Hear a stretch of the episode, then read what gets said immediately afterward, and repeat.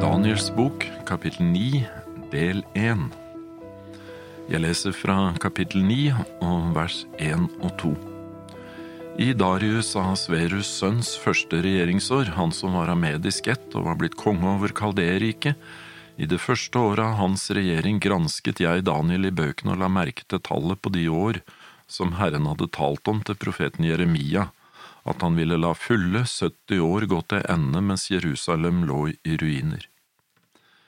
Igjen gjør Daniel oss oppmerksom på når ting skjer, og hva som skjer. Legg merke til at det ikke er en eneste antydning til at dette er noe nytt syn. Daniel kapittel 9 er derfor ikke et nytt uavhengig syn. Som vi skal se, er det bare en videre forklaring i forhold til kapittel 8. Egentlig så står det ganske rett ut i vers 22. Gabriel, engelen som kom til ham, det står at han lærte meg, talte til meg og sa, Daniel, nå er jeg kommet hit for å lære deg å forstå. Han gransket, det er jo forståelig. Husker du slutten på kapittel åtte? Men jeg, Daniel, ble rent avmektig, og jeg ble syk i mange dager. Så sto jeg opp og gjorde min tjeneste hos kongen. Jeg var forferdet over synet, men det var ingen som forsto det.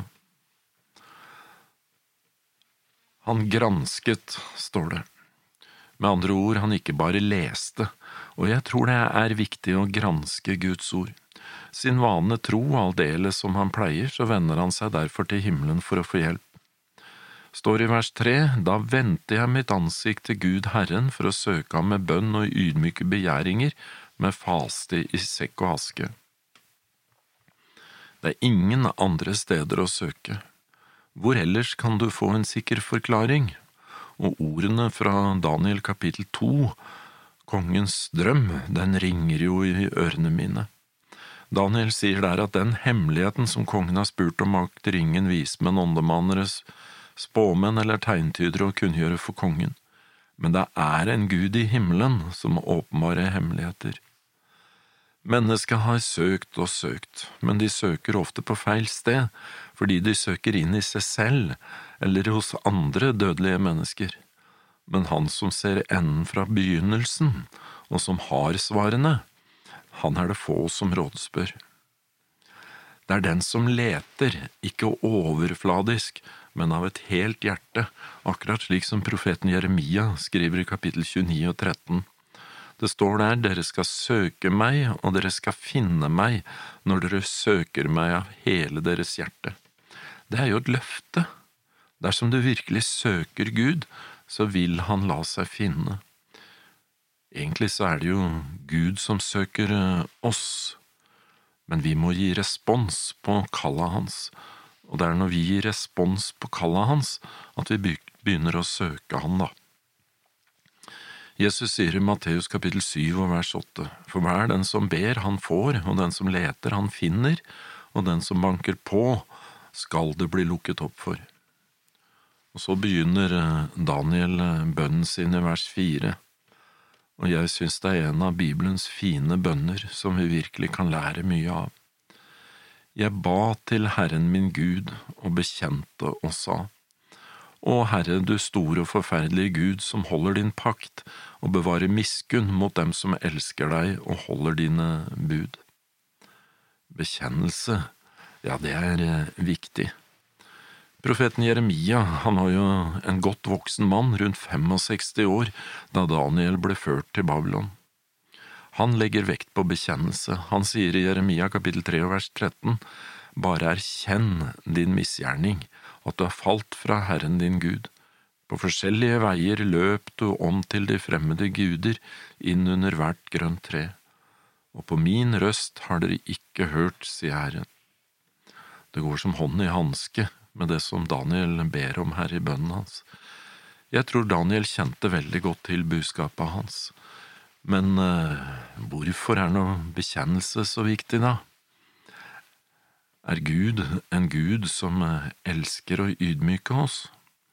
Nei, langt derifra. Det er en helt annen grunn. Husker du historien om fariseeren og tolleren som Jesus fortalte om?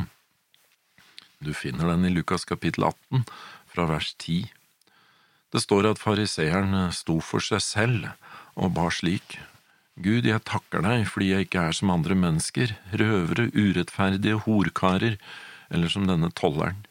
Jeg faster to ganger i uken og gir tiende av alt jeg tjener. Når du ser på det, så ser du at det, det er ikke noen erkjennelse i det han sier. Han har ikke noe behov. Han skryter bare av seg selv. Mens tolleren, han sto langt borte, står det. Han ville ikke engang løfte øynene til himmelen, men slo seg for sitt bryst og sa, Gud, vær meg synder nådig.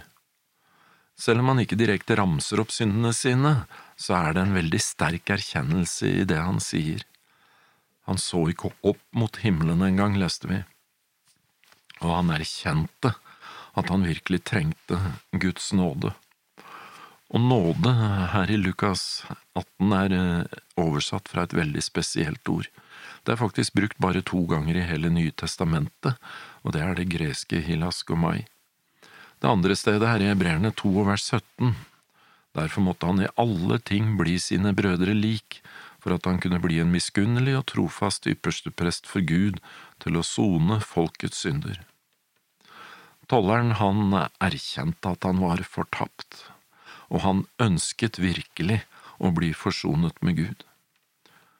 Det gir Gud en mulighet til å gripe inn i livet hans, og Jesus sier at tolleren gikk rettferdiggjort hjem til sitt hus, ikke den andre.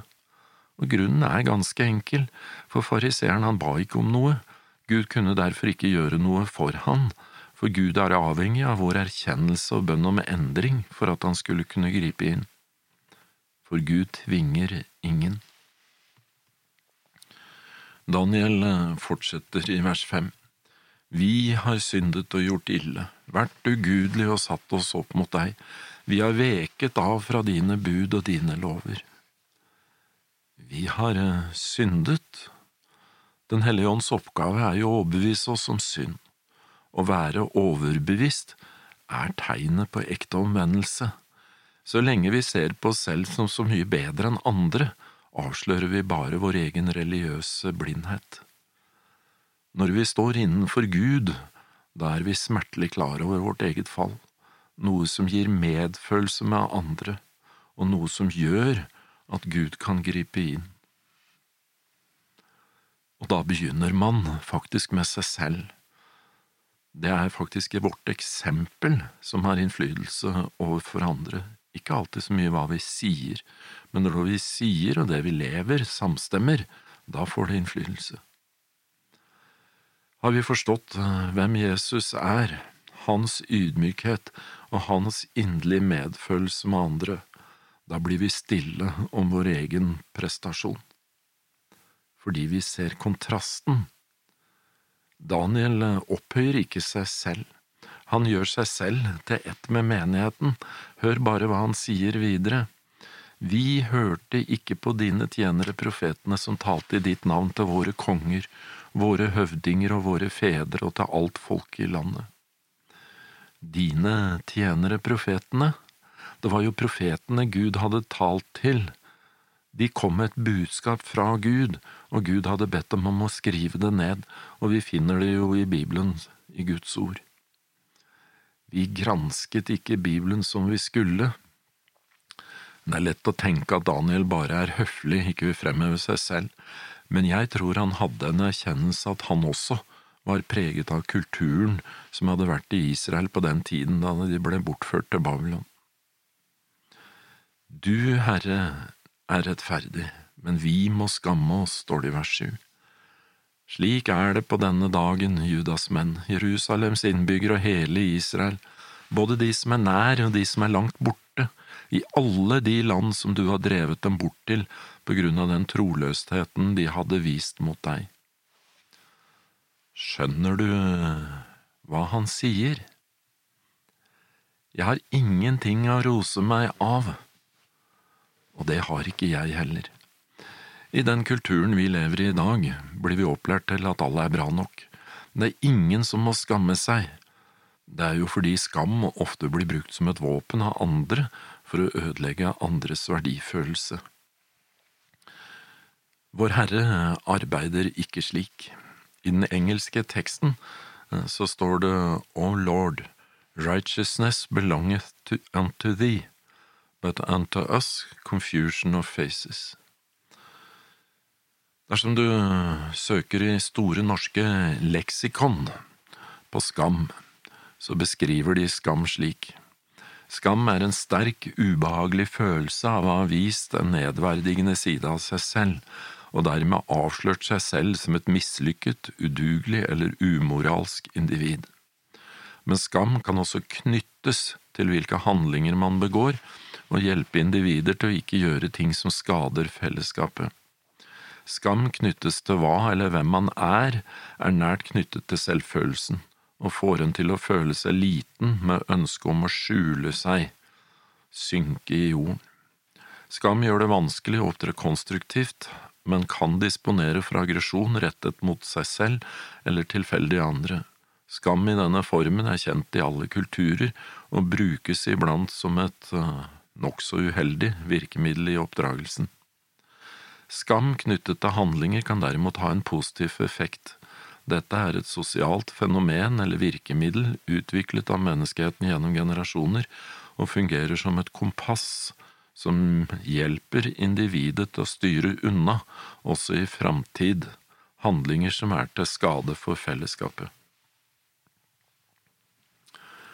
Adam eh, gjemte seg for Gud, men Gud brukte ikke skam på en negativ måte overfor Adam. Han roper på ham og spør Adam hvor er du? Det er ikke for å trykke Adam ned, men for å kalle ham fram i lyset, for å frelse han. Når Gud så spør han hva har du gjort, har du spist av treet jeg bød deg å spise av, er det heller ikke for å påføre Adam en negativ skam og trykke ham ned, det er for å hjelpe Adam til en erkjennelse av sitt fall. Så i min tanke er det kanskje en positiv skam Daniel beskriver her. Når vi leser bønnen hans videre, så vil vi se at han ikke har en skamfølelse overfor Gud hvor han føler seg totalt verdiløs. Det er tvert imot. Han erkjenner sin synd, han kommer fram for Gud fordi han har tillit til Guds nåde og kjærlighet, fordi Gud har gitt han verdi. Vi ser det tydelig når vi leser videre. Men det får vi vente med til neste gang.